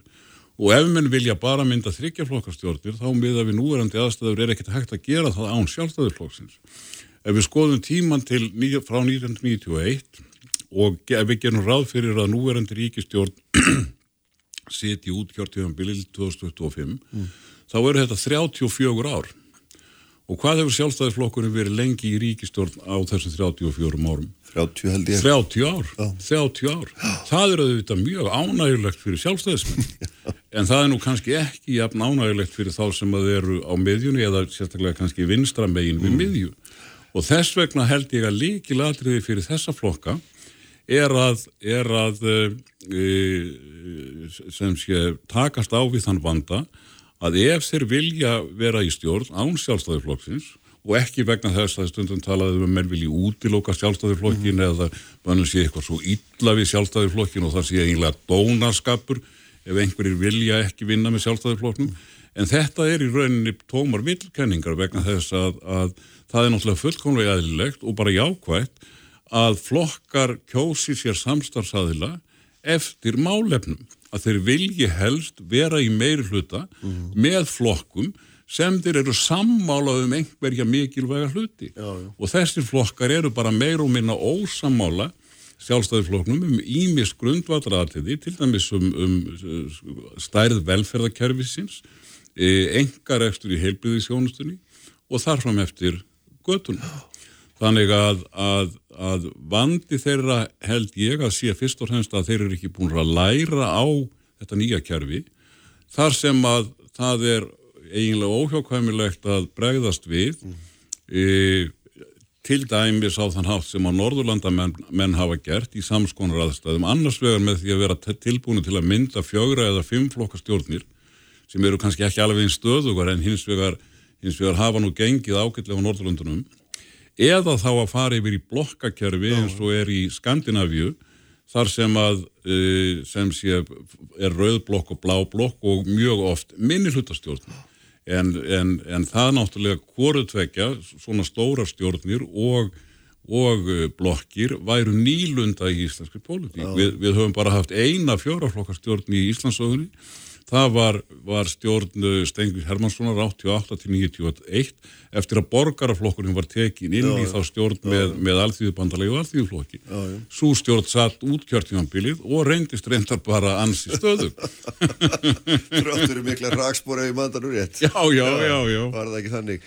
En, en hérna, já, þetta er áhugavert allt saman hvernig þetta er að hérna hvernig þetta er að renna allt saman en það, það, svona að því að maður, ef maður fyrir aðeins aftur í sko samfélkingun og upphafiðum hérna það að formaðurinn hafi tilkynnt það að hann ætli, ætli sér að láta störfum mm. núna í hausti minna, myndi það myndi það geta tólkað þín orð þannig að, að hlutverk formans að þeim vettvangi væri fyrst og fremst að laða til samstarfs aðra flokka frekar en að vera með einhverja stóra drauma sem lagi segir að hann ætla að fá hætta því að ná ekki nógu miklu fylgi en það er þá kannski bara orðunhaft hitt er miklu meira verkefnið að einhvern meina búa til Ég held, ég held að í rauninni sé kannski verkefni nummer eitt er, er það að, að, að, að gera það mögulegt að komast í ríkstjórn. Mm. Í, hins vegar náttúrulega skiptir líka máli hvert gengi flokksins er í kostningum og þó að ég haldi að samfélging geti ekki farið í, í eða ekki, ekki líklegt að hún geti orðið 30% flokkur eða eini stóri flokkurinn á í, í, jafnaðamanna í landinu að þá getur hún náttúrulega ætti hún að geta fengið meira en 10% raunhæft markmið væri að kannski að reyna að nálgast það sem að framsók gerði núna að fara kannski upp í 15-20% eitthvað svo liðið sko. E, en það sem skiptir samt auðvitað mestu máli fyrir, fyrir flokkin svona málefnilega séð er að, að fá formann sem að er skjælegur málsvari og hefur burði til þess að tengja saman stefnuflokksins í efnahagsmálum, velferðamálum og öðru slíku við grunn hugmyndir jafnaðarstefnunir. Og líka að vera góður að vinna með öðrum flokkum og þá horfum við mann og doldið á Það er algjörlega líkilatrið að gæla. Borgarstjórnir Reykjavík sem er náttúrulega hefur af þessu nákvæmlega mikla reynslu. Það er alveg rétt, sko. Ég held að það, nú erum menna velta fyrir sér hver geta á því formáður og mér sýnist nú aðalega að vera tvö nöfn í umræðinni annars vegar dagur og hann auðvitað hefur þessa miklu reynslu af, af góðu samstarfi við, við aðra flokka og hinn sem er nefndur er eh, Kristrún Frostadóttir sem hefur vakið miklu aðtekli sem engar skjeleggur málusvari og ég hef tekið eftir því að mér hefur sínst hún nefnitt geta það sem ég var að nefna mm. að tala um efnahagsmál af slíkum uh, krafti að ég mann til dæmis eftir enn í umræðuð hætti með Bjarnar Bendiksinni og uh, hún átti í fyrirkostningarnar mm. og hún átti í fullu tré við Bjarnar og það er ekki hver sem er Neini. sem að, sem að getur það. Þar að auki finnst mér hún uh, geta geta tengt saman áherslur jafnaðarsmálum og verðarmálum við grunnhugmyndir jafnaðarstefnur. Það er að segja um jöfnuð og kannski sérstaklega um það að þó að klassíki jafnaðamenn séu hlindir markaskerfinu þá leggja þeir mikla áherslu á það að það þurfi líka að beita ríkisvaldinu og menn er ekkert að vera hrættur við það að breyta ríkisvaldinu og eða til dæmi hækka skatta.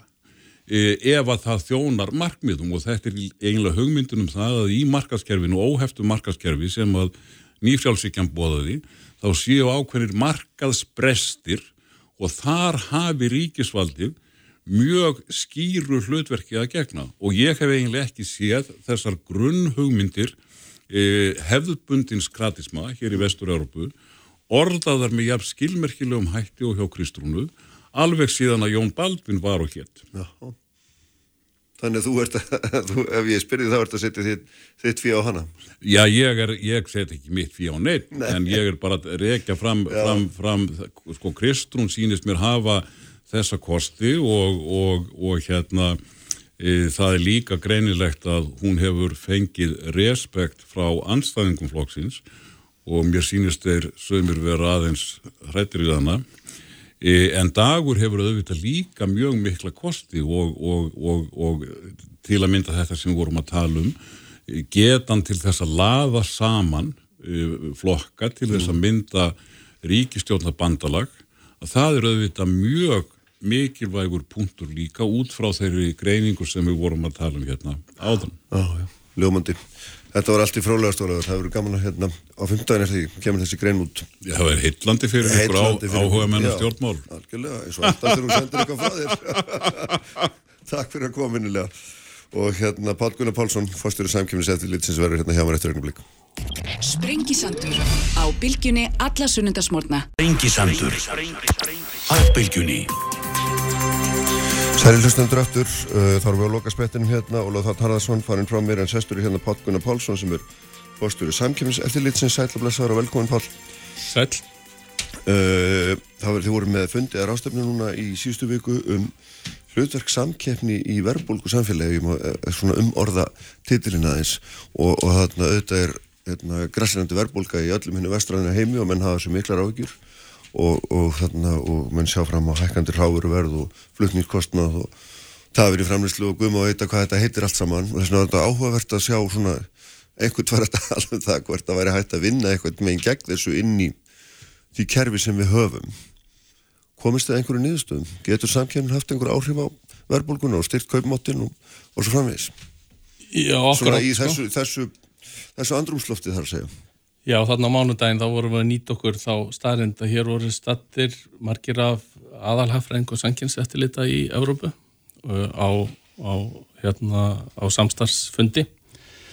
Þannig að við töldum hérna skynsalegt að hendi svona rástöfnu, Mm. einfallega vegna þess að við búum við þann muna en að gæsalappa nú hafa fleiri uh, mörguríki á á hérna, já mikið á verðbólku eins og við sko og, og, og sko staðrindin eru þetta svo að, að, að á í efnaðskerfum þar sem að virk samkeppni ríkir þá er þetta bara meiri stöðuleiki og, og minni hætta á verðbólku og það var aðteglisvert að því að Ásker Jónsson Sælabankastjóri satt hann í, í panel. Hann var einmitt að benda á þetta hvaða ströngverf urðu í íslensku efnaðslífi þegar samkemnisreglur og opnun markað varð með EE-samningum 1993-4 og hvernig efnaðstrónin hefur öður með öðrum hætti eftir það? Uh, það var aðteglisvert að heyra hann segja þetta. Mm. og, og og svo sjáum við í bandaríkjónum þar sem að, þar sem hefur orðið heilmikið samþjöppun undan farin ára þá, þá er bætenstjórnin uh, að horfa til sanginsarsallina sem, sem eitt af því sem að þurfi að, að laga mm. í þessu verðbólku umhverju. Það er þetta ekki þannig að það sé alltaf beint orsakasamhengi á milli samþjöppunar og, og, og verðbólku, sanginshindan og verðbólku en heilbriði markaða heilbri efnaðast lífs með virkur, virkur sangefni eru þetta til þess fallin að auka stöðuleika og draga úr líkonum á, á verbulgum. Já, það var líka áskil, hérna, áhugavert það sem Áskil sagði þarna einmitt að hann, hann eh, sko fjallaði líka um það að há verbulga og hún geti í sjálfu sér ógna samkefni. Það var í staða sem við værum að horfa fram á í, í ögnumbygginu. Já, um þetta er nefnilega nokkuð mikil samstafa uh, að og það segir sér svolítið sjálft að þegar er svona mikil verðbólka eins og mm. núna þá einfallega slæfist verðveitund uh, viðskiptafina og neytanda. Um, var ekki bensinlítarinn að fara upp fyrir 350 og við vorum í sjokki hérna ekki fyrir mörgum vikum þannig að hann fór upp fyrir 300 sko. Jú, jú, jú, og við erum bara búin að tapa svolítið verðveitundinni og, og og þetta skapar ef ítla fyrir aðstæður svona verbulgu umhverju aðstæður uh, skapar fyrirtækjum sem vilja spila á sanginshindranir mm. vilja nýta sér ólumætt samráðu eða misnota markasándi stöðu sína ágöðin tækifæri um, þetta er tími tækifærana fyrir þá sem að vilja mm. vilja hérna spila á á samkynnishindranir sér til hagspóta. Já, en auglustunum leiðir það ekki að sko apparat eins og þitt og það sem þú rekur því eru svona í langtíma verkefnum þannig að þess, þetta verðbólgu skot og einhverjur, hreyfingarinn og því það er erfitt að ná utan að þetta og, og gera eitthvað, vinna eitthvað gegn þessu, eða ekki? Já, við erum að vinna í hérna, tæki samkeppnisættilitsins er á öðru tímaplani já, en tæki selabankans uh, uh, það er auglust, þannig að það sem við sjáum er að fara aflega núna og ráðum síðan í aðgerði til þess að laga mun taka miklu lengri tíma heldur en vonandi þetta verðbólkuskott sko.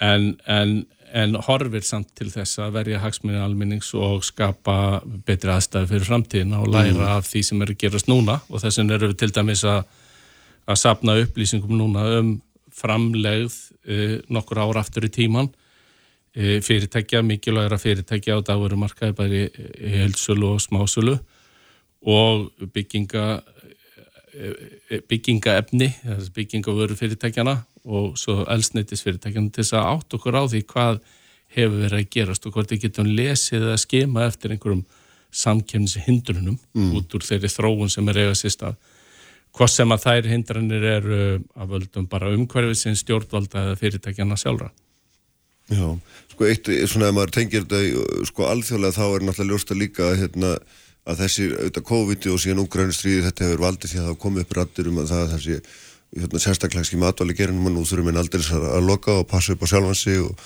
við held að fæðu öryggi eins og þetta heitir og, og vera sjálfum sér nógir. Og þetta umhverfi er náttúrulega einhvern veginn svona er í sjálfu sér, er það ekki samkjöfnishamlanda því það lokar aldrei á eða því frest, það, frest, það er freystingi því til að loka landamærum eða mistu hústi þrengjaði Já, alltaf þegar ríki lenda eða oftast þegar ríki lenda í erfileikum þá, þá, þá verður þá skapast svona jarðvegu fyrir hérna, verðarstefnu sko. Mm, og, og hérna þá fara menn að, tala um matvæla öryggi í þessum skilningi til dæmi sko um, en um, en stærindin er þetta svo að, að matar og öryggi mikilvægt og það að hafa opna markaði og, og hérna, virkja samkeppni getur einmitt stöðlað matar og öryggi frekar heldur en unni gegn því. Þannig að stundum er verið að nota svona fín hugdögg til þess að koma fram einhverjum öðrum hagsmunum Já. á endanum sko. Hvað segir þá um hérna, því að hendi þá bara því að hérna, þessa hugmyndur um að styrkja landbúinu sérstaklega um 2,5 miljard krónar núna og, og hérna svo ég vittni nú hérna í eina eina greinin að sko samtökum fyrirtækið sem geir árið gert að skildi stjórnum fyrir hösti áætlan hvernig þau higgjast nýta samstarf frá hægræðingar heimildir og áætlaðan langtíma ávinning neittund og bænda. Þarna er byrjanlegs verið að tala um að fyrirtæki rotti sér saman og fjallum það hvernig þau geta sem, geti sem held náða einhvern tildegnum árækni þetta lítur að vera algjörst að eitur í bænum veinum samkynns eftirlitsins hvernig þetta er hugsað allt eða hvað Já, það vil svo til að við skoðum þetta samruna, eh, ítalega samruna norrlenska kjarnafæðis og SAH afurða í bara á síðasta ári, að lukum þeirri rannsókn, svona fyrir hluta síðast árs, þar var um að ræða samruna, bísna stóran, Já. mikla samtjöpun, sko, og og þá þetta blastið að við okkur hvað vandi bænda er mikill ekki síst í sögfjárrekt þannig að það er, það, það fylsta ástæði til þess að stjórnvöld sé að huga að hagsmunum bænda í því. Eh, svo er það spurningum val á aðferðum sko. Já. og þá þá, þá þetta, um, erum sanginsettildi um, talar fyrir því að og, og margir fleiri að, að, að svona kraftar samkeppnina séu mikilvægir í landbúnaði eins og annar staðar. Það sjáum við í kringum okkur mm. líka. E, það dettur engum í hug til dæmis hér í kringum okkur að taka úr sambandi samrunareglur en falla verna þess að, að fólk veit af reynslunni að samrunareglurnar eru mikilvægir til þess að til þess að gæta hagsmann að bænda. Já. Ef að bændur hafa ekki nema einn veiðsemjanda þá verður staða þeirra miklu verri og þetta sáum við mitt í konunum sem að við beindum að bændum Já.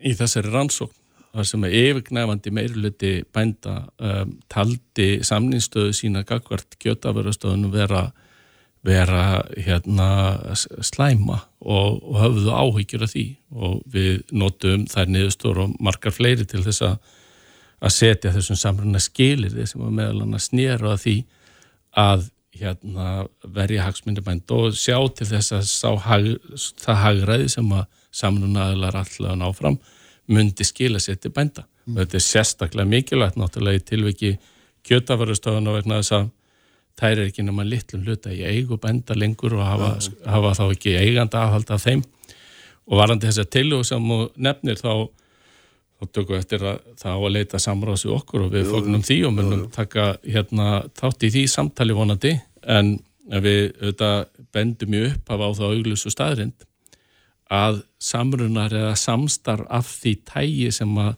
þannig vera að ná fram þar sé til þess að ná hagspætum fyrir bændur og neytendur er einfallega heimilt samkvæmt núgildandi lögum. Samkefnislög heimila samruna af þessu tægi og heimila samstarfs af þessu tægi það er ákveðna reglur sem að hérna, fyrirtæki þurfa að hafa þetta bara pínu fyrir því að sína Já. fram á þetta Já. sína fram á það að þetta skilja hagsbótum fyrir neytendur og bændur um, en þetta er hægt og, og þetta hefur verið gert sangant nú gildandi sanginslum og um, ef að mennisar eru komnir á það að að það þurfi að skipa sanginslögunum úr sambandi Já. þá er það í mínum huga einfallega yfirlýsing um það að, að þeir sem að þarna vila um telja að þeir get ekki sínt fram á uh, hérna, þessar hagspætur fyrir neytundur og bændur og þá eru þá eru lögjafinni vandastattur ef, hann þarf að ráðast í aðgerðir mm. sem að veikja hagsmunni bænda en neytenda að þessu leiti þá er það, þá er það mikil umhugsunar efni og ég get ekki séð annað eh, en fallega vegna þess að við veitum að við höfum verið að nota þessar leikreglur Já. sem er til staðar, bæði heimildir til samstars og heimildir til að renna fyrirtækjum saman og það er að vera nýttar í landbúnaði og öðrum geirum einfall, einfallega til þess að ná fram hagsbótum af þessu tægi en það eina sem mann þurfa að sína fram á er að það skilir samfélaginu en ekki bara fyrirtækinu sem er hlutega oh. hagspætum að hagsbætunar ábatinn af samrunanum eða samstarfunum skili sér til viðskiptavinnana og endanum til neytenda og bænda í þessu tilviki. Þannig að þetta er bara spennandi umræða sem við erum til að taka þátt í áfram. Já, já, en það, það er náttúrulega verið, er verið að tala hér um að veita til að mynda tímubundna heimild í lögum til dæmis til fjögur ára fyrir slátulegsa á frumvinslu og afröðstöðu kjötvinslu til samstarfs um saminningu, einingasamninga og verkaskiptingu. Mm -hmm. Já, uh, tíma... Þannig er verið að kipa samkjöfnslögunum bara úr samþengi, úr, úr, úr gildi, er það ekki? Ég fæ ekki betur séð og tímabundin hefur lögða litla þýðingu þarna vegna þess að fjögur ártu auðvitað til þess að skapa einn og gunna með vilja Já. og það getur verið erfitt að vinda ofan að henni eftir, eftir, þann, eftir þann tíma sko en En við erum bara til í þetta samtala en við viljum bara vekja aðtikla á þessu að þetta er hægt sangat núgildandi lögum. Ef maður vilja, ef maður er að meina það sem stendur í þessari skýslu, Já. þá þarf ekki að breyta neinum lögum. Nei, nákvæmlega. En þetta er náttúrulega kannski, ég veit ekki, hérna, svo við vikjum aftur í upprannlega viðhómsefnið um, baráttu gegn verðbólg og verðhækkunum með samkeppni, þá er þetta ekki, þá myndi þetta ekki verið þeim and. Nei, nei, og, og, og við þetta bara þurfum að standa vörðin sem fjall, samfélag fyrir virkri samkettni þannig að hún skiptir svo miklu máli. Þú varst að tala hérna við hérna manni ráðgjöfi í bygginga einaði sem var að tala í morgunum um, um, um það að, að það þurft að virkja samkeppni hér á landi í þessari nýsköpun og þróun. Að þess að samkeppni og nýsköpun er einfallega týpurassistur sko. Nákvæmlega, en það er svona hérna Þannig að við erum svona, getum litið á þessum niðurstöðu samtalsins að, að hérna, samkeppning getur vissulega, getur vissulega hjálpa okkur í barðunni verðbólguna en auðvitað er það áfram, er þetta áfram peningilegt fyrirbræða þessum að svona Sælabankin og, og Ríkistjórn hafa þetta mest að segja. En allt hefur þetta samhengi á, hérna, og, og, og bara virk samkeppni hefur mjög miklu efnaðslega þýðingu og hjálpar Sælabankanum í því sem hann er að gera Já. og við þar aðstæðu sem að núna eru þá, þá þá eins og Sælabankastjóri bendi á á rástefnunni er mikil hætta á því að það verði hér hækkanir sem að hafa ekkert með þessar ytri aðstæður að gera. Já. Þess vegna höfum við verið að, að hafa gætur á því sem að fórsasminn hagsmunarsamtaka er að segja og þau skilabóð sem að fyrirtækin er að gera eða hagsmunarsamtök þeirra ofinbella þess að það er svo mikil hætta á smittáhrifum að hækkanina verði miklu meira heldur en, heldur en þarf og það er eðlilegt að neytundur velti fyrir sér þegar að fyrirtæki eru vel reygin og skila hagnaði, skila eigandi sínum arð þá, þá er lett að neytundur spyrji eigum við að standa undir þessum ytri aðstæðum, vestnandi ytri aðstæðum eða ætla eigendur fyrirtækjana að taka þátt í með okkur? Já, hefur þið fundist nú þegar bara einhver keimur af því að mann væri að, að svona varpa ábyrðin yfir á neytundur e, afliðingunum öllu heldur? Já, það er bara ástættis að hafa gætur á þessu. Og þess vegna eru við að skoða framleið fyrirtæki á þessu mikilvæg mörgum sem ég nefndi á Ljómandi, Pál Gunnar, innilega þakki fyrir að koma. Takk fyrir þetta. Við hérna, verðum að láta sprengisandur um lokið. Í dag Ívar Davíð Haldursson stýrði þetta útsendingu eins og hann gerir alltaf. Uh, allt efnið er á vísi.is, bilgjum.is og svo hvar veitna það sem finnir hlaðvarp og svo verðum við hérna með ykkur félagarnar eftir. Viku verið sæl